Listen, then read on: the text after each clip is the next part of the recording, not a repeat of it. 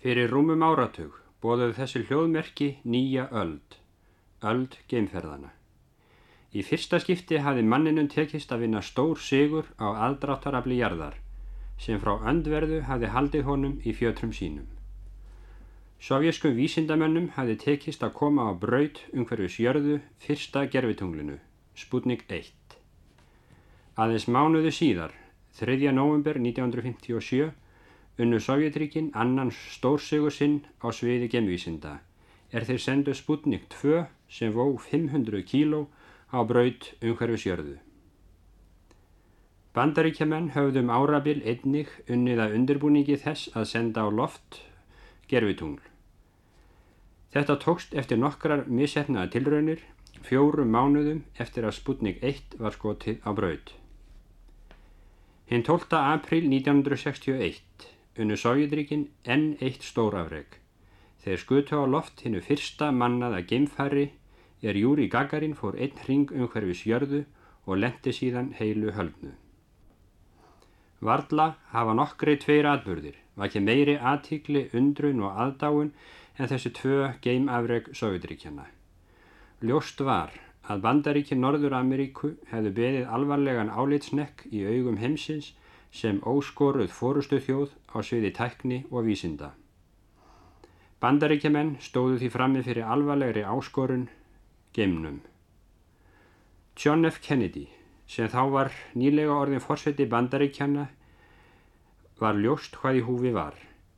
Í sögulegri ræðu sem hann hjælt á bandaríkjaþingi 25. mæ 1961, þar sem hann fór fram á stór aukið framla til gemvísinda, skoraði hann á þingið og bandarísku þjóðina að setja markið hátt.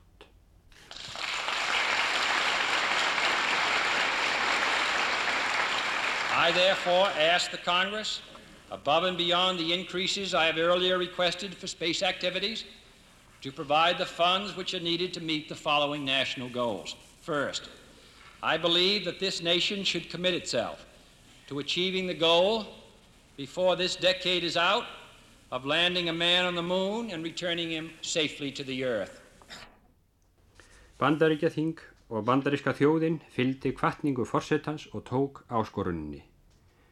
Aldrei hefur með jafn tröll aukna átæki verið unnið á nokkru vísinda og teknilegu verkefni.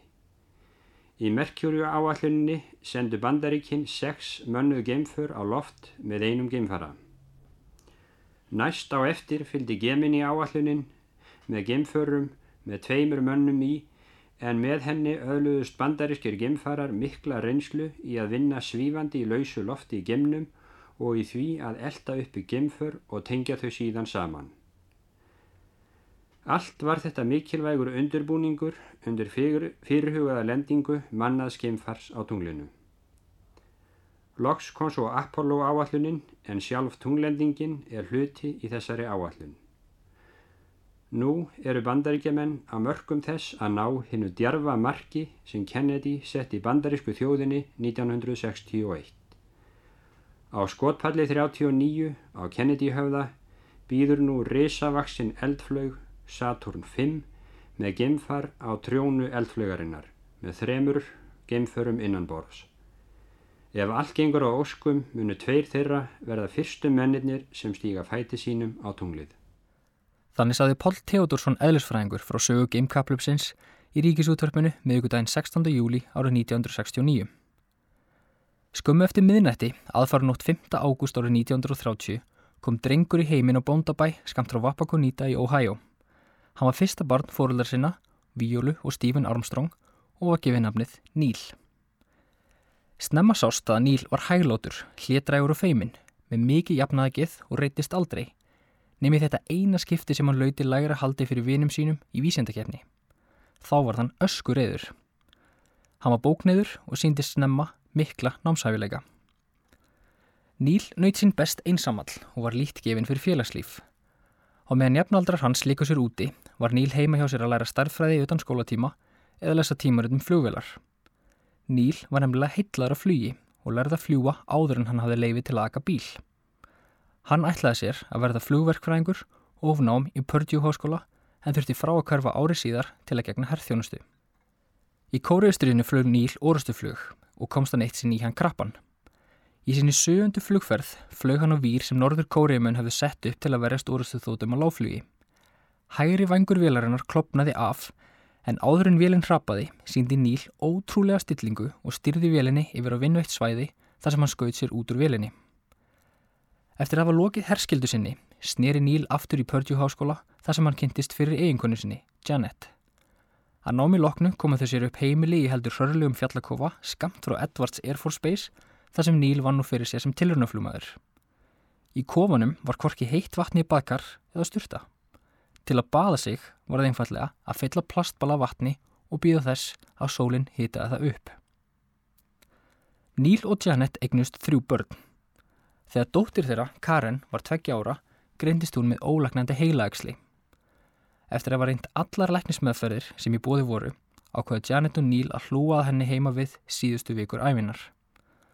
Karen lest hann 28. janúar árið 1962 eftir háls á sparóttu. Sama dag áttu Janet og Níl 6 ára brúköpsamali. Níl snýri aftur til vinnu aðeins viku eftir andlótið og tók sér sjaldan frí til að hjálpa konunni sinni í gegnum sorgina. Um mitt ár 1962 ákvað Níl að sækja um geimfarastarf hjá NASA. Hann uppfyldi allar flug og mentunakröfur en frestaði því að senda umsóknina sem barst síðan degi og seint. NASA hefði átt að hafna henni sjálfkrafa en með smá klíkuskap var hún tekin til greina. Fjölskyldan flutti til Hjústón og kom sér upp notalegu heimili í geimfarakjörðinu. Eina aprilnótt árið 1964 vaknaði Janet við reykjarlikt. Hún vakti Níl sem stökk fram úr rúminu og sá að það var kviknað í húsinu. Janet hljóp út og kallaði eftir hjálp nágrannin sinna, geimfarans Ed White og konu hans Pat. Níl sótti fyrst tíu manna að són sinn þar sem hann svaf og hljóp með hann út í bakarðin en þorði ekki að leggja hann frá sér af óta við að hann myndi skrýða ofin í sundlaugina og drukna. Logarnir stóðu út úr húsinu þegar Níl fór aftur inn til að sækja eldri són sinn Erik. Hann ætti inn í þykjan reykjamökkin, sá ekkert og óskaði þess heitast að heyra strákinn sinn gráta, svo hann fyndi hann sem fyrst. Níl fann Erik á lokum og amaði ekkert að, nema hann saknaði fjölskylduhundsins sem hann hafi fengið að gjöf eftir andlátt sýstu sinnar. Hundurinn fannst skömmu síðar, hitla húfi. Í mars árið 1966 fór Níl í sinna fyrstu geimferð, þá sem leiðangustjóri geimin í átta á samt Dave Scott. Þeir félagarnir átt að tengja geimfær sitt við Agena eldflög á brautum jörðu. Samtengingin tókst en bilun í stýriflög geimfarsins allir því að það tók að snúast stjórnlust svo við lág að þeir færust í geimnum. Þeim tókst þó að ná stjórn á geimfarinu og snýru heim til jarðar lunga á endan áallin. Þetta var ekki seinasta sinn sem Níl lendi í lífsáska. Í mæ árið 1968, 14 mánuðum fyrir leðangur Apollo 11, var Níl við æfingar í Lunar Landing Training Vehicle, skelvilegri vélflugu eða flíildi sem líktist einna helst fljúandi rúmi og átt að líka eftir tunglendingu. Tækið lit illa stjórn, misti hæð og snerist. Sekundu brotum áður en vélinn hrapaði til jarðar og sprakk, tókst Níl að bjarga lífi sínu með því að skjóta sér út og svífa til jarðar í fallíf, í annað sinn á æfinni. Á aðfangadag árið 1968 var Níl Armstrong stattur í stjórnstöðin í Houston að fylgjast með fyrstu tungfur mannkins, leðangri Apollo 8. Þar var líka Dík Sleiton, yfirmöðu geimfarana og tóka Níl afsýðis til að ræða við hann um næsta verkefni. Sleiton tjáði Níl að ef leðangrar Apollo 8, 9 og 10 gengju eftir, myndi hann líklega stýra fyrstu munnuð tunglendingunni. Dík spurði hvernig honum litist á að hafa Mike Collins og Buzz Aldrin í áhöfninni. Níl sagðist ekki hafa neitt á móti því, en Dík benti á að kannski er þið ekki svo íkja auðvelt að vinna með Buzz. Níl kvannst þess að vera ekki hafa neitt út á hann að setja, en það hafði samstarf þeirra í var áhöfn Apollo 8 gengið vel. Dík bauð Níl að fá Jim Lovell í áhöfnina í stað Buzz og velti hann því fyrir sér. Jim Lovell var þá brautum tunglið í Apollo 8 og ákvað Níl afþakka bóðið. Hann taldi að Lovell ætti skilið að stýra eigin leiðangri sem hann svo gerði í Apollo 13. Hefði Níl samþygt þetta, hefði áhöfn Apollo 11 orðið Níl, Jim Lovell og Michael Collins en Buzz hefði orðið hluti af áhöfni Apollo 13. Buzz og Mike vissu kvorugur að þeir yrði í áhöfni Apollo 11 fyrir 4. janúar 1969 þegar Slayton kallaði þá fund til sín. Slayton tjáði þeim að þeir þrýr myndu líklega gera fyrstu tilrununa til að lenda á tunglinu. Þeir reyndu að halda aftur á spenningnum því þeir vissu að fyrsturtur leiðangrar Apollo 9 og Apollo 10 að hefnast.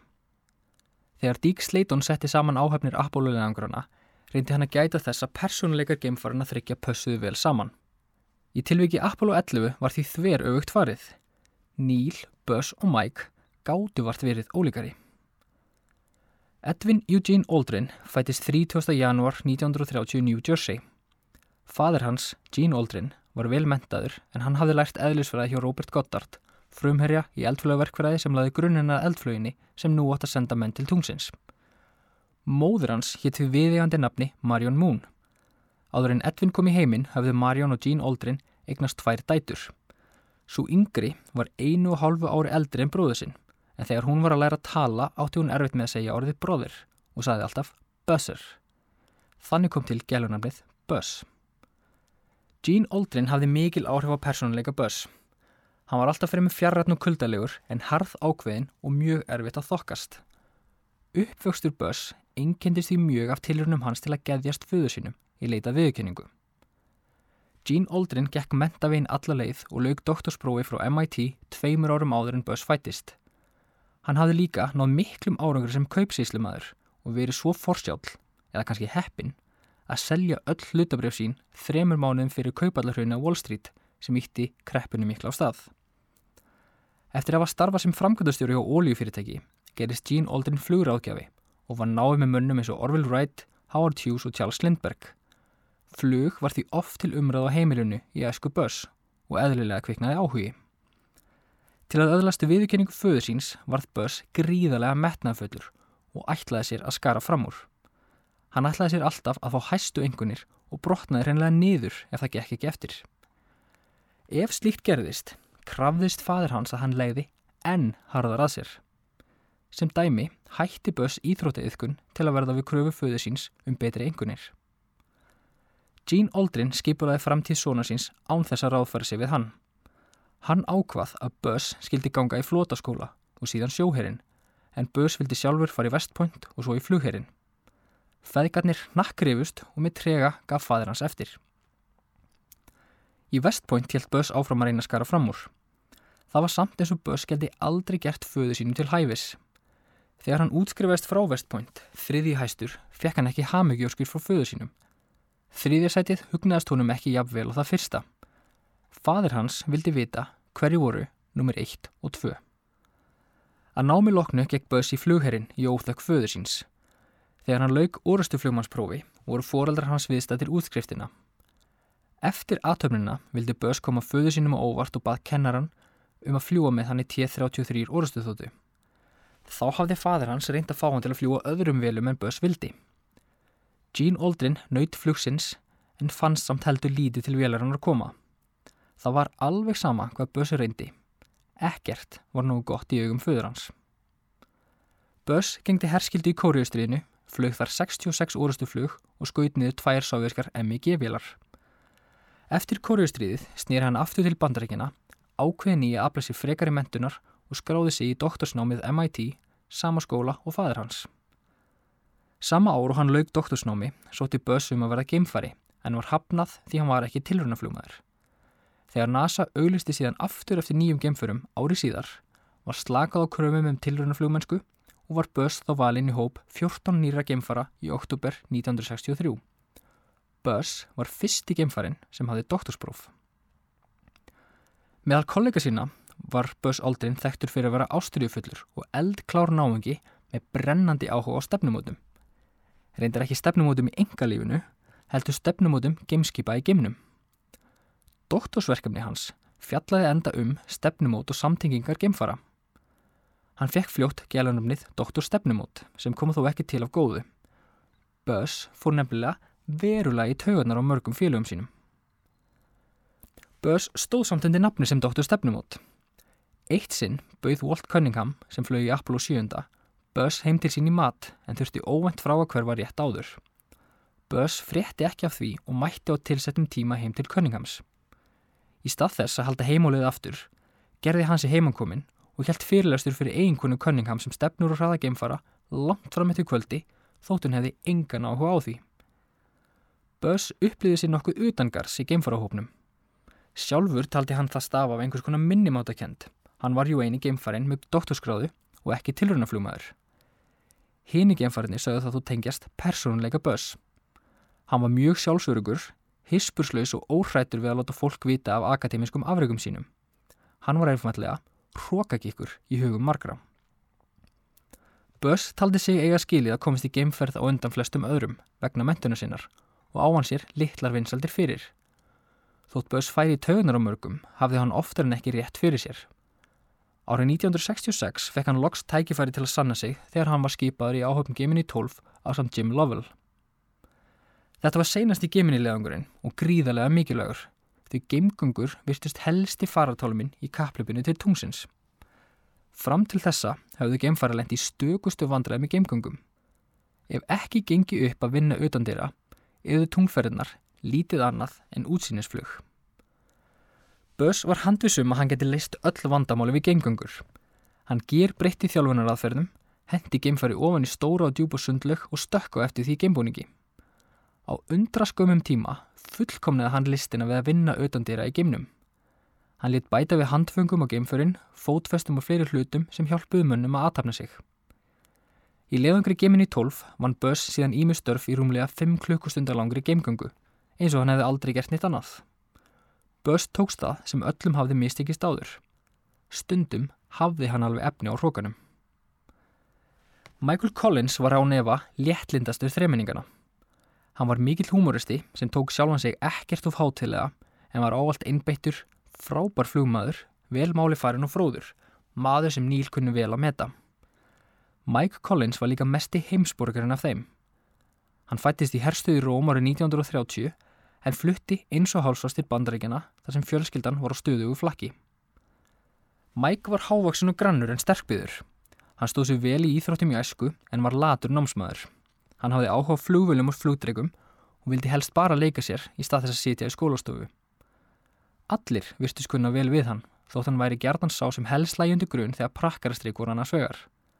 Hann var alltaf saklýstuð uppmálað þótt hann vissi upp á sér skömmina. Þráttur að vera latur námsmaður var Mike skýr og skarpur. Hann gekk í Westpoint herskólan og útskrifaðist þaðan með engunni rétt fyrir ofan meðalag. Eftir útskrift gengdi hann herskildu í fjögur ár hjá flugherðum í Fraklandi þar sem hann var orastu flugmaður. Dag einn í herstöðunni kom hann auga á glæsilega dökkarða konu. Hann gekk rakleis að henni og kynnti sig. Konan hétt Patricia Finnegan og þútti Mike strax áhugaverður. Hann var maður sem gæti talað um allt millir heimis og jörðar bókmentir, listir, vísindi, hvaðina. Henni þótti sína svo lífi líka áhugavert. Michael Collins var, og er, þetta reddast maður.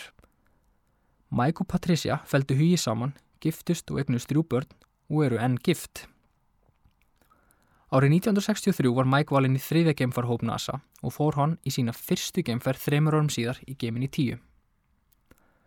Mike átti að vera flugmaður stjórnfarsins í leðangri Apollo 8 en hálfu ári fyrir leðangurinn neittist hann til að fara í uppskurða baki og var frá um tíma. Hann var sársvektur að missa af tækiförunum til að fara til tunglsins með Apollo 8 en fekk í staðin sæti í Apollo 11. Æfingar fyrir tunglferðina hófust 15. janúar 1969 og stóðu til 15. júli, daginn fyrir gameskott. Geimfarnir vörðu mörg hundru klukkustundum í flughermum og öðru eins í að fara yfir flugáallanir og æfa tunglgönguna. En eitt af því sem þeir eruð að læra var jarðfræði. Allt frá því að ákveð var að stefna til tungsins fengu tilvonandi tungfarar þjálfunni jarðfræði. Níl var í hópi átjón geimfara sem kom til Íslands til æfinga í byrjun júli árið 1967. Hann skar sig greinilega úr og vakti aðtegli sigur á Þórarinssonar jarðfræðings. Í lokferðarinnar komi leiðbennindur og nokkri geimfara saman til kvöldverðar og hótel sögu. Þar á meðal Níl og satt Inga, eiginkona sigurðar, við hlið hans. Hefði vilja kynast honum enn nánar Það er maður mertur og reynslu og ákaflega viðkunanlegur, skrifaði Sigurður um Níl í dagbók sína. Þegar áhöfn Apollo 11 var kynnt á bladmannfundi í Houston í janúar 1969 vatt fréttamaður sér beintað efninu. Hvor ykkar herramannana verður fyrsti maðurinn til að stíga á mánagrund? Níl tók til máls en hætti í miðri setningu og beindi spurningunni til Dík Sleiton. Eh, ég held við höfum ekki ákveð svari við þeirri spurningu strax, svaraði Dík. Í fyrstu var Buzz aldrei nokkuð vissum að hann er þið fyrsti maðurinn til að stíga fæti á tunglið og var raunar ekki einnum það. Aðstofafórstuðum að mannarða geimferða hjá NASA helt því líka fram ofinberlega. Aldrin verður fyrsti maðurinn á tunglinu stóðu fórsýðum nokkura dagblada í bandaríkunum. Buzz og aðrir höfðu enda ærna ástöðu til að telja svo væri. Í öllum geminnileðingurunum beigð leðingustjórin eftir inni í gemfarinu og meðan flugmaðurinn fær í gemgöngu. Hann og flestir aðrir heldu að þeir sama yrði upp á teiningnum í tunglferðanum. Þetta breytist þegar Buzz heyrði orðrum um, skömmu eftir gemferð Apollo 9, að Níl yrði fyrir til að stíga á tunglið. Orðrúmurinn ángraði hann í nokkra daga áður en hann spurði Níl út í hann. Buzz átti vonu afdráttalösu svari en fekk það ekki. Níl hafði nefnilega líka velt sögulegri merkingu lendingarinnar fyrir sér og vildi ekki útiloka sjálfan sig í að stíga fyrstur á tunglið. Buzz vildi fá úr þessu skorið því eilívar vangaveltur getur verið slæmar fyrir móralinn og skadaða leðangurinn. Þegar Dík Sleiton frétti af því að Buzz var í afla sér stuðningu baku tjöldin ákvað hann að binda endi á það. Hann tók Buzz tali og sagði að Níl fari líklega út á undan honum. Buzz sætti sér vel við það og var ánæður að ákvörðin hafi verið tekinn en vissi vel að sá sem stýji fyrsta skrifið mingi mestu aðteklínina og nýtti mestra hilli. Þetta fór fyrir brjóstu og föður hans sem reyndi að nýta tengsl sín og hafa áhrif þótt hann hafði lofa Buzz að gera það ekki. Í apríl lág ákvörðurinn fyrir. Neil Armstrong er því fyrsti maðurinn til að stíga fæti á tunglið. Hann tilherði eldri gemfarahópi og var leðangustjóri, auk þess sem þrengslinn í tunglferðinni henduð betur til þess að hann fari út á undan. Lúan opnaðist inn á við og til hægri þar sem Böss stóð og króaði hann í raun inni. Þetta tæknilega atriði var besta rauksemdin í huga Böss. Önnur óofinber ástæða var sögur liggjað baki ákverðininni. Personleiki Böss. Níl var rólegur, hlétrægur og fámál. Hann var hetjan sem NASA var að leita að. Maðurinn sem gætt höndla þá miklu fræð og sem fylgdi því að verða fyrsti maðurinn til að stíga á annan nött. Hann var ekki í leita fræð og frama. Það var ekki hans eðli að trana sér fram. Öfugt við Böss sem gerði hvað hann gað til að verða fyrstur. Böss sótist eftir heiðrinum og let alla vita af því. Böss segist hafa verið sáttur við ákvörðunina en aðrir eru á öðru máli og segja að Böss hafa orðið fyrir með niðurdregin um tíma á eftir. Sjálfur hefur Böss ætið haldið því fram að hann hafi aldrei sóst neitt sérstaklega eftir því að verða fyrstur. Í fyrri æfiminningum sínum lýsur Böss því yfir að hann hafði uppi evasemdur um að verða þáttakandi í fyrstu mönuðu tunglendingunni. Hann hefði heldur kosið að fara síðar í tunglferð. Eftir að leiðangri Apollo 10 lauk leik engin vafi lengur á að Apollo 11 er því fyrsta tilrunin til að lenda á tunglinu. Þann 11. júni tilkynnti NASA ofinbörlega að Apollo 11 er því skotið á loft meðugudaginn 16. júli og að lendingin sögulega færi fram síðdegis sunnudaginn 20. júli. Yfirmenn og stjórnundur hjá NASA óttuðist að geimfarni myndu gera hvað sem væri til að lenda, jafnvel þótt hættastæðiði að.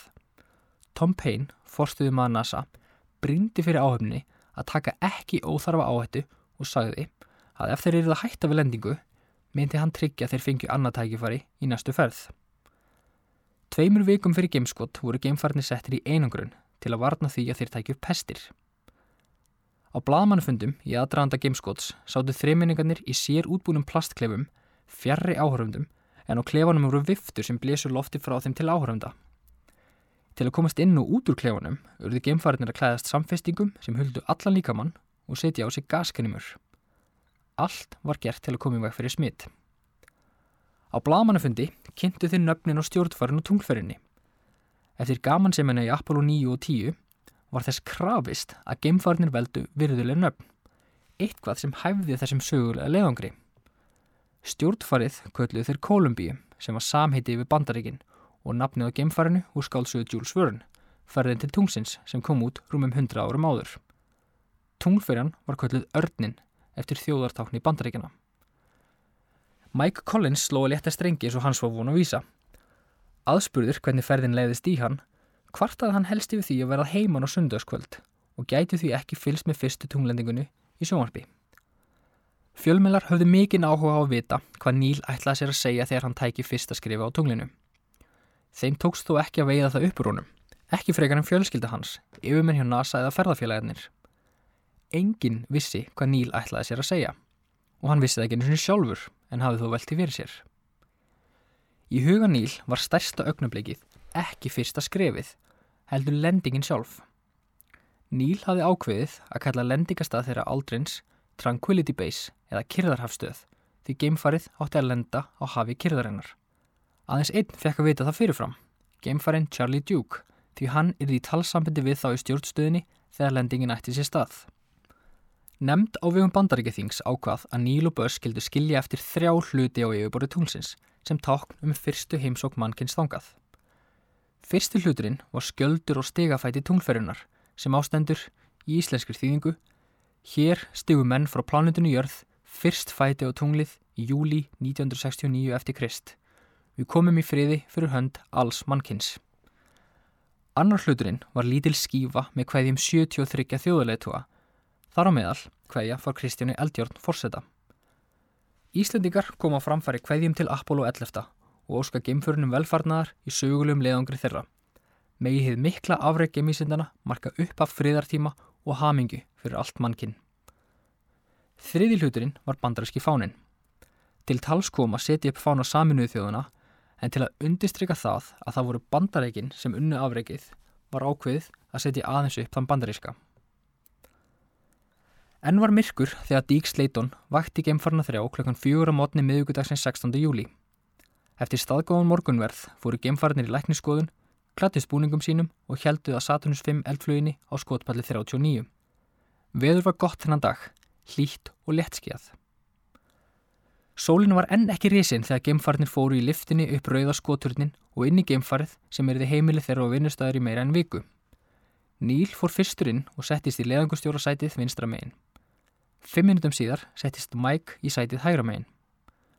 Á meðan félagar hans voru festir hálfði Buzz yfir kanna veralhöfða þar sem meira en miljón manns hafði komið sér fyrir til að fylgjast með þessari sögulegu stund þegar gameskipið legður vörð frá jörðinni til að nefna land á öðrum netti í fyrsta sinn. Hann leiti söður og sá skotpall 34 þar sem félagar þeirra, Gus Grissom, Roger Chaffee og Ed White hefði farist í eldsvoða tveimur og hálfu ári áður. Í einum vasa geimbúningsins var Buzz með leiðangusmerki Apollo 1 til að heiðra föllinu félaga sína en líka aðra minnisverða til að heiðra sovjísku geimfarana Vladimir Komorov sem lést í Soyuz 1 og Júri Gagarin fyrsta mannsins sem fór út í geiminn. Eftir 15 mínútur var rauðin komin að Buzz að koma sér fyrir í miðjusæti Apollo geimfarsins. Gunther Wendt óskaði geimförunum góðrar ferðar og lokaði lúinni. Ekkert voru eftir nema býða. Fylst var með geimskotinu um allan heim. Í hljóðstofu ríkisútvarpsins við skólagötu lísti Hjálmar Sveinsson verkfæringur því sem fyrir augu bar.